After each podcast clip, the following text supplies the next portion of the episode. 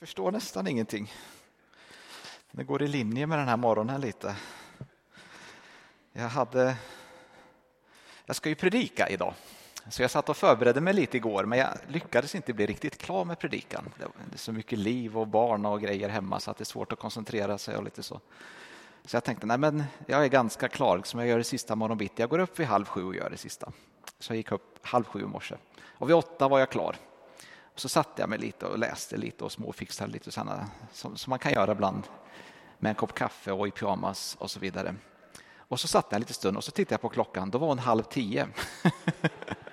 så ibland går tiden fort. Så då var det liksom skriv ut, mejla, klä på dig, spring. och sen kom jag hit. Ja. Och så kastar Peter om programmet. Ja. Vill ni stå upp så ska vi bara läsa ett Jesusord om att inte döma. Ifrån Matteus 7 och de fem första verserna. Där säger Jesus så här, mitt i bergspredikan. Döm inte så blir ni inte dömda. Ty med den dom som ni dömer med ska ni dömas och med det mått som ni mäter med ska det mätas upp åt er. Varför ser du flisan i din broders öga när du inte märker bjälken i ditt eget? Och hur kan du säga till din broder, låt mig ta bort flisan ur ditt öga, du som har en bjälke i ditt öga? Hycklare, ta först bort bjälken ur ditt öga så kan du se klart och ta bort flisan ur din broders. Ja, Jesus, tack för, för dina ord. Tack för ditt exempel, tack för din kärlek, tack för din undervisning. Vi ber att du ska få vara mitt ibland oss, att du ska röra vid oss, att du ska lära oss om ett, ett verkligt liv i, genom de ord vi kommer att läsa idag. Välkommen, amen. Varsågod och sitt. Jag tänkte börja den här predikan med att berätta lite om en studieresa som jag gjorde med ett tjugotal företagare eh, till Bangladesh för att titta på det arbete som vi, vi bedriver där nere. Det är Evangeliska Frikyrkan som, som Korskyrkan är en del av som, som bedriver det här arbetet i Bangladesh där man hjälper människor i extrem fattigdom att komma ur sin fattigdom. Och inte genom att ge dem mat utan att hjälpa dem med små mikrolån och hjälpa dem med att komma igång med någon enkel verksamhet. Eh, här ser ni mig och några av de som var nere när vi går omkring i slummen i Dhaka, eh, huvudstaden i, i Bangladesh. En otroligt fattigt område. Eh, och oerhört gripande att se under vilka förhållanden som människor lever i, i slummen runt om i, på jorden. Eh, man jobbar i det här programmet som i många liknande program med kvinnogrupper som träffas en gång i veckan. Eller det kan vara olika. Men man, man samlar i alla fall kvinnor. Av någon anledning så, så fungerar det här systemet väldigt bra med kvinnor. När man ger små lån till kvinnor för att de ska kunna komma igång med, med någon form av verksamhet som kan förändra deras liv då tar de tillvara på tillfället. Gör det absolut bästa de kan liksom för, för att lyckas och för att lyfta sin familj och situationen för deras barn från misär till något som funkar. När man ger de här lånen till män i många kulturer så kan inte männen hantera pengarna utan då använder de pengarna till sprit eller till att köpa någon, någon pryl som kan höja deras status och de kan skryta lite med. Och sätter familjen i skuld och i en ännu värre situation än innan de hade fått det här lånet, vilket är eh, gör att man skäms att vara man nästan när man ser att det händer. Eh, viktigt att vi, vi som män alltid försöker uppmuntra varandra och peka på andra sätt att leva som inte har de här mekanismerna. Eh, och de som går runt och sköter det här arbetet har vi en bild på en tjej tidigare. Eh, de kallas för fältarbetare eh, och i den här organisationen så är de längst ner egentligen. Det finns någon typ av eh, director för hela arbetet och så finns det liksom lite chefer och lite kontorsansvariga. Det är några hundra personer som jobbar med arbetet bara. Och man har lyft minst hundratusen personer ur, ur fatt, extrem fattigdom i det här arbetet. Men, men fältarbetarna, det är de som liksom är ute på fältet och träffar de här kvinnogrupperna en gång i veckan och är egentligen liksom längst ner i hierarkin i, i systemet. Och ganska ofta när man tittar på välgörenhetsorganisationer och sådana saker så kan det finnas en, en, brinnande ledare någonstans.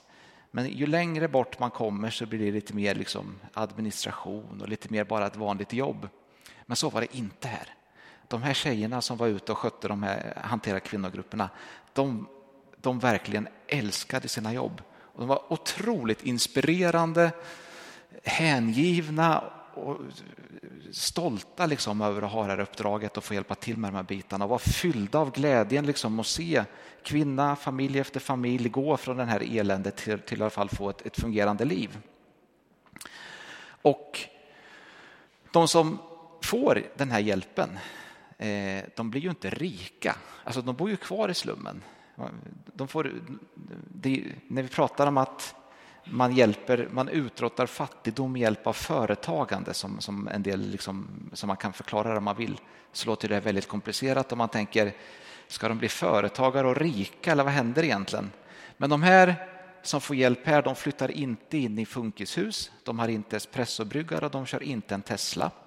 Utan de bor kvar i slummen och har fått det lite, lite bättre. De har fått ett drägligt liv. Och även de kvinnorna som vi träffade som, som har fått den här hjälpen utstrålade också en otrolig inspiration och hopp och kände jag har fått tag i verktyg. Jag har liksom fått den här hjälpen. Jag har kunnat lyfta mig själv med den här hjälpen och min familj till, till liksom någonting som funkar. Vi har mat varje dag. Vi kan låta barnen gå i skolan och betala skolavgiften. Vi kan spara lite till vårt tak som vi behöver bygga bättre om några år och lite sådana saker. Och vi var runt på massa olika ställen och tittade på vad de gjorde.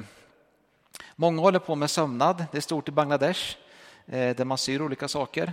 Många håller på med olika paljetter och liknande. Alltså man, man får saker som är sydda på någon fabrik och så gör man det som fabriken inte kan göra med sy på krimskrams och paljetter, både på herrkläder och damkläder. Den här kvinnan tog tillvara på gammalt tyg eh, liksom, överblivet tyg och sen så klippte hon det i runda cirklar och så hade hon en maskin som hon kunde sy ihop de här med och så sålde hon det här till en fabrik som använde det här som någon form av putsduk i sin fabrik och levde på det. Eh, påsar. Eh, bland annat träffade vi någon som gjorde påsar av gamla tidningar och sålde. Någon annan gjorde, gjorde någon form av påsväskor av gamla cementförpackningar. Det var väldigt liksom kreativt vad man kunde göra. Den här familjen började med att torka ris och så la de ris och en liten leksak i en plastpåse och sålde på torgen. Eh, och det var så uppskattat och gick så bra så efter ett tag kunde de utveckla verksamheten. Och nästa produkt var torkade bär. Och då kunde de trycka upp fyrfärgsbilder med Spindelmannen och med, jag vet inte vad de har snott på internet där, allt, allt möjligt. Eh, och, och, så lägger de torkade bär i en plastpåse med den här fyrfärgsbilden på framsidan som också var väldigt populära på marknader och sådana grejer. Enkla grejer men mycket kreativitet och, och, och mycket liksom eh, glädje och hopp. Eh, och, det fanns ju en mängd av grejer. Jag räknade bara upp några exempel här. Förutom de jag nämnde så, så var det många som höll på med sortera sopor bara. Det är det enklaste. Samla på sig sopor och sälja till lite olika ställen. Eh, några gjorde smycken av plastskräp. Kunde göra små bollar av plast och satte ihop det till armband och grejer till, till fester och liknande. Eh, fartygsplåt återvann folk för att göra köksredskap och, och så vidare. och så vidare. Och vart vi än kom så ville de här kvinnorna som jobbade med de här projekten de ville visa sina bankböcker. Och Det var lite fränt. Liksom. Varför vill de visa sina bankböcker? Ja, men de var så stolta över att kolla. Jag har fått det här lånet, jag har betalat tillbaka varje månad. Varje gång har jag betalat tillbaka i tid. Och kolla här, de här tre månaderna har jag kunnat spara lite också. Så nu har jag sparat så här mycket. Och de hade, liksom, det hade klickat, det hade fastnat och det var liksom väldigt, väldigt målmedvetet och kreativt inspirerande. På ett ställe, eh, när vi åkte ut i bussen lite, då kunde de inte sätta kvinnorna i arbete för att det var inte okej, okay. liksom, kulturen var inte redo för det. Så där jobbade de med någonting som de kallade för utvecklingsvänner. Det var unga tjejer som var ute och jobbade lite halvideellt och samlade kvinnogrupper bara för samtal på olika sätt och förbereda liksom någon sorts process där i, i, i samhället för att de efter ett tag skulle kunna få, det skulle kunna vara okej okay att de hade egna företag. Och de här, den här unga tjejen, hon var ute och samlade ihop ett antal kvinnogrupper och träffade dem olika kvällar i veckan. Och så pratade de om våld i hemmet, de pratade om, om eh, sexuellt överförbara sjukdomar och säker sex och sådana saker. De pratade om barnäktenskap. Eh, de pratade om kvinnans rättigheter och barnets rättigheter och alla möjliga sådana saker. Och ganska tuffa saker. Och det här fick ju konsekvenser. Så när, trots att lagen förbjuder det, så händer det lite då och då att någon gammal man vill gifta sig med en, med en ung släktings dotter. Eh, och alla tycker att det här är hemskt egentligen, men, men, men någonstans i kulturen är det svårt att hindra det hela. Men det som händer med de här grupp, kvinnogrupperna är att de säger ifrån som grupp och säger nej, vi går inte med på att, eh, att, att den här unga tjejen ska få giftas till den här gamla mannen. Det är mot lagen och vi tycker inte att det är okej. Och när en hel grupp kvinnor säger ifrån på det sättet så börjar de stoppa barnäktenskap efter barnäktenskap. Och vår fråga till den här tjejen, spontana frågan hon berättade hur det var, det var liksom, men hur törs du? Alltså hur, du, du är ju världens revolutionär i den här kulturen. Liksom. Hur törs du? Och hon fattade inte frågan. Vad, vad då törs hon? Fantastiskt, jag är så glad att jag får vara med och göra de här grejerna. I, I en av de här kvinnogrupperna vi träffade så bad vi dem, all, det gjorde vi nästan alltid, bad vi hela gruppen berätta vad de gjorde för någonting, vad de hade för liten verksamhet igång. I den här gruppen så var det tjejen till vänster som berättade först vad hon gjorde. Och en del kunde engelska lite grann, så de pratade engelska. Och en del pratade eh, på sitt eget språk och översatte så vi, vi fick hjälp att förstå. Eh, men hon, båda de här pratade engelska och hon, den första sa, när vi frågade vad hon gör, så sa hon I'm repairing TVs. Jag lagar tv-apparater. Va, tänkte vi. Mitt ute i slummen. Vi hade gått långt på en liten stig liksom i ett avsides område i slummen i Dhaka. Och så fortsätter vi med kvinna efter kvinna och efter ett tag så mötte vi, så frågade vi den andra tjejen vad hon gjorde och svarade hon också på engelska. Jag lagar mobiltelefoner, sa hon. Va? Och efteråt så, så behövde vi prata med de här och vi kunde nästan inte prata med de här tjejerna för de här två tjejerna var så de, de, var helt euforiska och glada över att träffa några västerlänningar, träffa några av dem som var med och stödde deras arbete och framförallt de äldre kvinnor som vi hade med. Och de vill sitta i knät på, på eh, Marita Karlsson, kanske någon vet vem hon är, från eh, Ryttargårdskyrkan i, i Linköping. Och lite så här, Eh, och hennes vita hår och sådana saker. Och en otrolig kärlek och, och, och liksom så här tacksamhet. Tänk att vi har fått den här chansen. Och så frågar vi liksom efter hur, hur har det gått till? Hur, hur, hur kan ni laga tv-apparater och mobiltelefoner? Ja, men vadå, sa de. Jag har en brors flickväns, eh, liksom någon grej där, eh, som har jobbat med de här bitarna. Eh, så han har lärt oss. Eh, och suger åt sig grejer och, liksom, och fångar upp och, och drar nytta av det här. Det finns ju massa tv-apparater och mobiltelefoner även i slummen, så de hade ju mycket att göra. Och det blir så uppenbart att det finns ingen, inget samband mellan intelligens och fattigdom, eller ointelligens och fattigdom. Så man, har, tänker man någonstans att fattiga är mindre intelligenta, då har, då har man liksom en otroligt snäv människosyn och världssyn. Det finns ju mycket smartare människor än dig och mig överallt i slummen som bara väntar på möjligheten att få, få, få göra någonting med sin inre, inre kapacitet. Den här organisationen som bedriver det här arbetet heter World Concern och det är alltså Evangeliska Frikyrkan som har startat upp det här arbetet i Bangladesh Eh, som är ganska stort. Det är en av de största, det största fattigdomsutrotningsprojektet som, som Evangeliska Frikyrkan är engagerad i. Det här är en kristen organisation, en öppet kristen organisation. Eh, i ett muslimskt land. Bangladesh är ju väldigt muslimskt. Men de, de kan verka upp, som en öppet kristen och de säger bland annat i sitt mission statement att det är Kristi kärlek som driver oss att kämpa för, för de fattiga situation. Eh, och är tydliga med de här bitarna.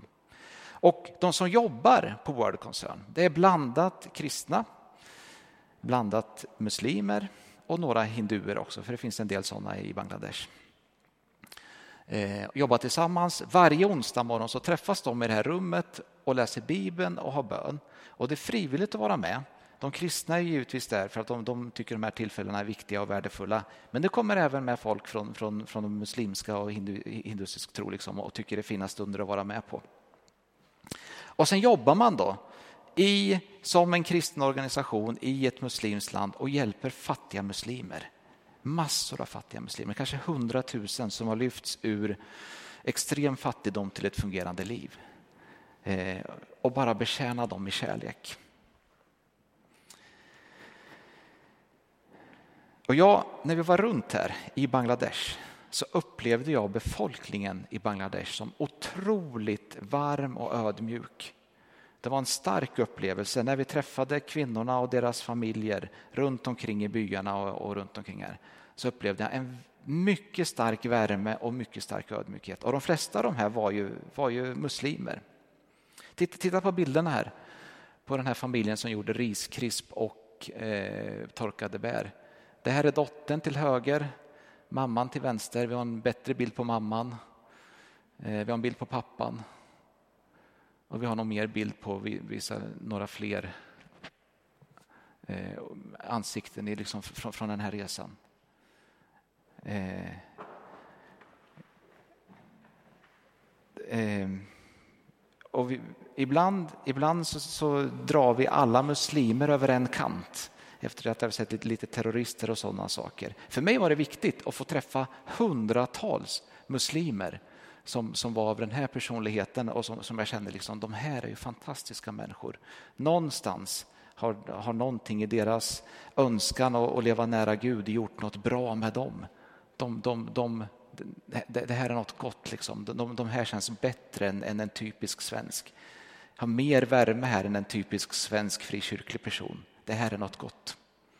Samtidigt, lite då och då, så mötte vi ett annat ansikte på muslimerna där nere. Lite då och då så mötte vi unga män med skägg, med religiösa kläder på något sätt, som utstrålade hat. Och det, jag såg inte att ögonen gick från, från, från vänlighet till hat när de såg att det kom västerlänningar. Utan jag tror att det var hat hela tiden. Och undrar var det kom ifrån. När vi var ute på landsbygden och sov en natt i, i, ett, i ett hotell, eh, ett annat hotell och de inte var så vana att se västlänningar där som i Dacca så reagerade bygden på något sätt. Så när vi gick och, och la oss i hotellet på natten och precis hade somnat, så klockan 11 ungefär så började det låta i högtalarna från moskén som låg precis bredvid. Och jag tror de hade vridit högtalarna mot hotellet och skrivit upp på högsta volym. Och så skriker de på arabiska i tre timmar. Och vi vet inte vad de säger, men, men liksom det känns ju som att det är riktat mot oss på något sätt. Och när vi frågar på morgonen vad de har sagt för någonting så har, har liksom den predikan eller där de har skrikit på natten handlat om deras varningar och deras eh, vrede mot de otrogna, de som inte är muslimer. Helt olika ansikten av, av folk som tillhör samma tro. Och jag ska inte fördjupa mig i, i liksom muslimer på något sätt och islam utan sådana saker, utan, utan jag ville ta med det här eftersom jag tycker att det var en fantastisk resa och det finns så, så mycket bilder i det här. Eh, och någonstans av det här så kan det här hjälpa oss att se de olika ansiktena som samma tro kan få och hur fel, fel det kan bli när människorna ska liksom försöka hantera sin religiositet på något sätt. Religiositet är svårt för människor att hantera. Vi kan gå tillbaks och fundera på det här inledningsordet som handlar om vår Gud och hans folk. Fariseerna och de skriftlärda och den här kvinnan som hade begått äktenskapsbrott.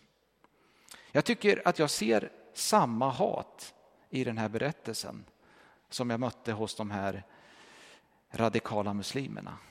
De som kommer med stenar i händerna kastar fram en kvinna som de tycker att det här, det här är någonting som Mose lag föreskriver att vi ska bestraffa med, med stening och döden. Vad finns i ögonen hos en person som, som liksom har stenar i sin hand och är, är upplagd och kastar dem för att döda? Vad finns i de ögonen? Vad är det för självbild en sån person har? Och när vi funderar på målet med vår tro, på vilket sätt är det i linje med en så radikal och sträng tro som möjligt? Och vilken mål är i linje med något som, som är värme och ödmjukhet? Har vi rätt mål med, med tankarna på vad det skulle innebära för oss att bli djupare överlåtna, mer, mer för med Gud?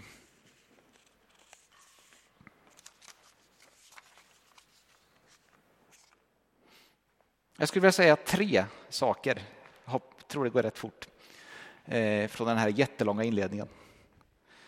Den första är Döm inte eftersom att insidan är viktigare än utsidan.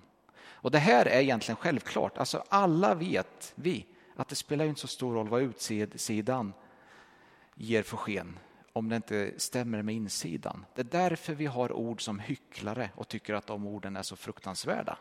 Självklart. Samtidigt har vi så otroligt svårt att inte bedöma och leva utifrån något sätt liksom, där vi låter utsidan styra. Och den som dömer, den personen fokuserar på utsidan. Men Gud är mycket mer intresserad av insidan. Och jag tror att Jesus sätter fingret på det här när han säger Den av er som är fri från synd ska kasta första stenen på henne.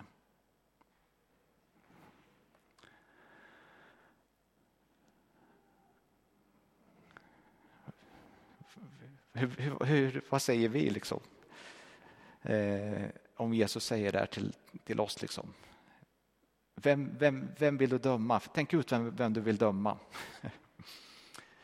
Eh, eller vem dömer du? Vem ser du ner på? Liksom? Vad, vad är du upprörd över?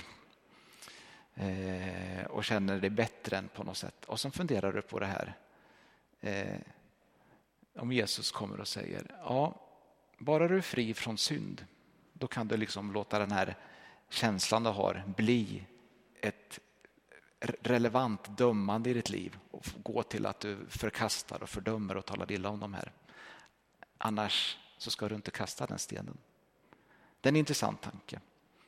Och det som hände här längre fram i berättelsen det var ju att alla gick. De äldsta först och sen de yngre.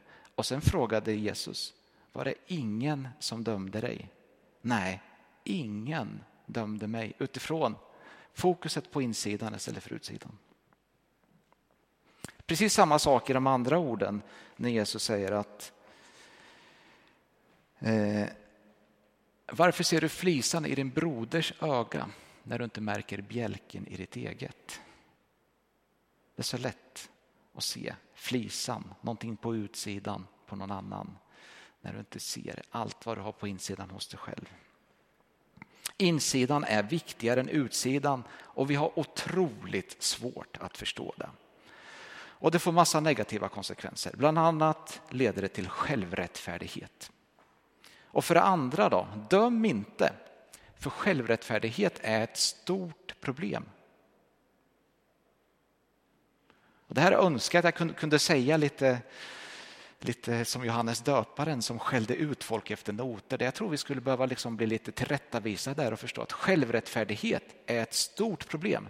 Jesus berättade om en liknelse om en man som var skyldig kungen 100 000 talenter.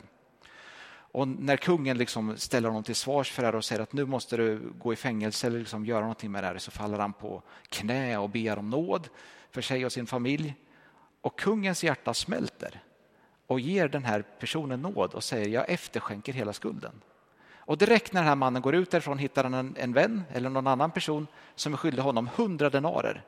Och den här personen som just har fått efterskänkt kastar sig över den här mannen och, och, och ser till att han hamnar i fängelse eh, för att han inte kan betala de här pengarna. Och när kungen får höra det så kallar han tillbaks mannen och skäller ut honom. Din usling, jag efterskänkte hela din skuld när du bad mig om det.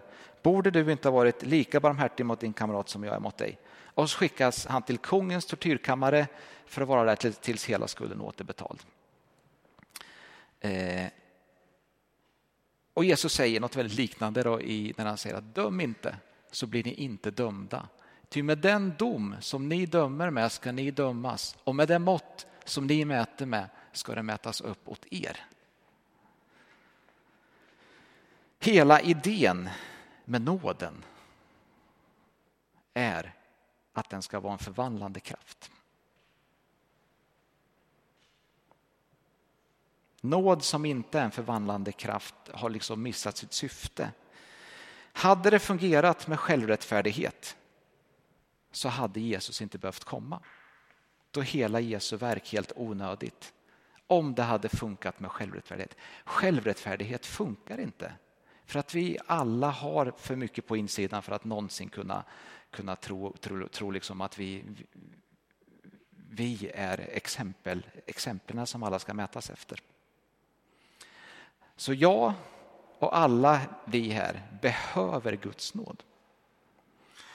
Och om man då vill vara kvar i någon sorts ställning där man tycker sig ha rätt att döma andra människor, då vill man ha så lite påverkan av nådens kraft som möjligt. Bestämmer man sig för i så fall. Jag, jag vill inte bli berörd av nåden och det som finns i nåden. Om man däremot vill bli drabbad så mycket som möjligt av nåden så tror jag att vi måste öppna oss för att nåden är en förvandlande kraft och den vill göra oss nådefulla och säga liksom ja, jag vill bli nådefull som du är nådefull Gud. Jag vill drabbas av nåden rakt igenom. Jag vill inte få en självbild som är självrättfärdig och eh, falsk. Tre. Döm inte du börjar så lätt att hata för att dra det till sin spets. Men de här mekanismerna ser vi hela tiden. Och ibland så blir man så hatisk att man vill döda andra människor. Men det börjar ju långt, långt innan dess med, med problemet med hat. Fariseerna med stenar i händerna, tänker de, uppfyllda av vrede önskan och stenar den här syndiga kvinnan. Och så kan man fundera på, gick inte de Guds ärenden? Var det inte, Guds, var det inte Mose lag som de följde? Det här är ju intressant. Hur, ska vi tänka? Liksom, de, de, de tror att de är hängivna Mose lag och har därigenom blivit uppfyllda av någon sorts vrede och känner att nu ska vi döda den här kvinnan. Det är det som är rätt. Och så nu då, när Gud kliver ner bland människorna, hur hanterar han då de här mer radikala bitarna av de judiska traditionerna? Var det inte han som från början hade, hade befallt människorna att stena syndiga personer? Jag skulle vilja påstå att all form av våldsteologi havererar totalt i mötet med Jesus.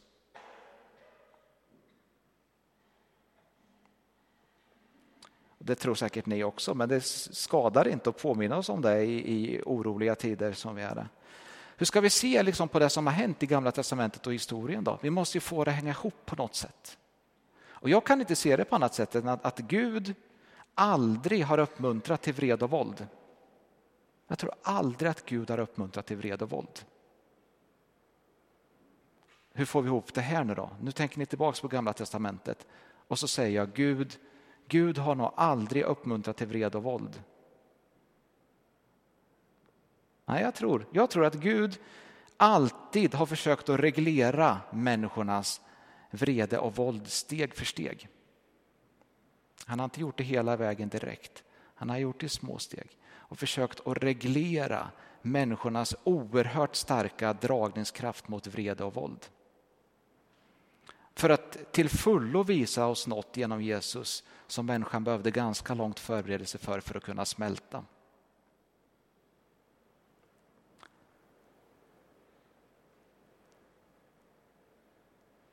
Där Jesus säger att ni ska aldrig försöka övervinna det onda med det onda. Aldrig. Ni ska alltid försöka övervinna det onda med det goda. Och Jag tycker den här bilden jag började med från Bangladesh är ganska intressant som exempel på två poler om man jämför varandra. Dels har vi de här World Concern, då, den här organisationen som, som vi jobbar via med i, i, i Bangladesh, som jag tycker är fantastisk och är superstolt för. Där de jobbar i kärlek med att lyfta människor av alla religioner ur fattigdom. Och Det är en arbetsgemenskap där alla är välkomna oavsett tro ett oerhört spännande exempel och tror jag är helt i linje med Guds rike, hur det bryter fram. Och hur det förändrar, lyfter människor och sätter ett exempel som, som får människor att någonstans sakta, sakta eller en efter en lära känna och förstå vem Gud är och hur han är. Och så kan vi spänna det mot, jämföra det mot när de religiösa mekanismerna havererar eh, och den här människans stora problem med religiositet. Där vi ser fariseerna och deras hat och stenar i händerna eller de här radikala muslimerna som, som skriker åt oss hela natten eh, och utstrålar hat liksom, över det, det onda de ser. Och som de riktar då mot västerlänningarna som var där för att hjälpa deras fattiga. Kunde de inte hejda sitt hat i alla fall.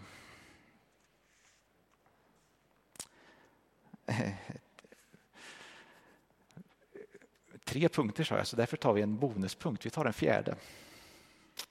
Döm inte. Gud är kärlek. Jesus såg upp på kvinnan och sa till henne Kvinna, vart tog de vägen? Var det ingen som dömde dig? Hon svarade Nej, Herre. Jesus sade Inte heller jag dömer dig. Gå nu och synda inte mer. Och här kanske nyckeln finns här då till den här bjälken som Jesus pratade om och hur man får bort den ur sitt öga. Den som kan få hatarna att tänka om. Den som ärligt kan säga inte heller jag dömer dig. Det är de starkaste orden i hela den här liknelsen. Gud säger inte heller jag dömer dig. Alltså endast den personen kan ge det kärleksfulla rådet. Försök nu för allt i världen att inte synda mer. Det är inte bra för dig.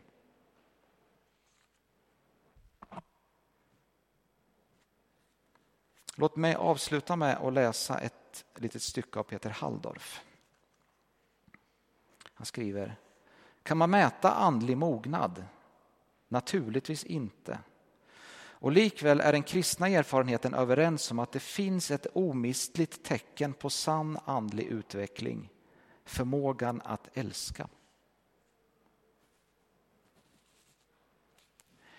Isak Syrien, en av 1600-talets främsta andliga ledare i kristenheten frågade När förstår människan att hennes hjärta uppnått renheten?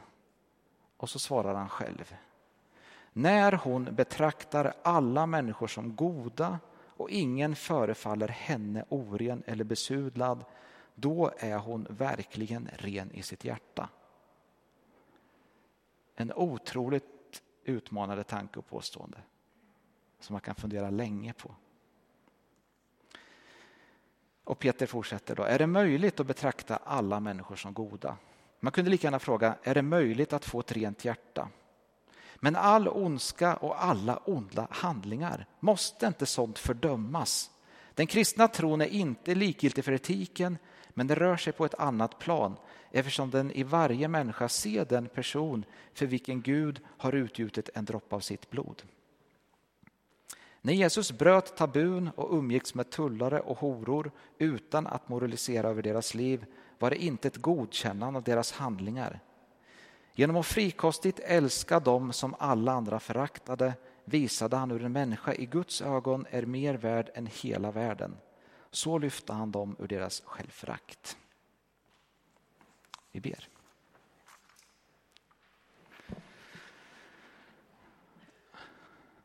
Ja, himmelske far, tack. Tack för ditt tålamod med oss var och en. Tack för att du är kärlek och vill att det ska drabba oss, att det ska påverka oss. Förlåt, förlåt all, all, allt vårt dagliga dömande där vi ser ner på alla möjliga grejer som vi tycker är dåliga. Och, eh, och förlåt framför allt för, för, för, för, när vi liksom tar vår mänskliga svaghet att, att, att, att vilja bli vred och hatisk, eh, massa dåliga sidor eller, eller bli stolt och på något sätt maskerar dig i någon sorts religiös kostym och låtsas att, att vi gör det som kristna. Förlåt för sådana beteenden, far. Hjälp oss att bli mer lika dig. Hjälp oss att älska, att inte döma, att se på andra människor utan, utan en dömande blick, utan en nedvärderande blick. Att övervinna det onda med det goda. I Jesu namn. Amen.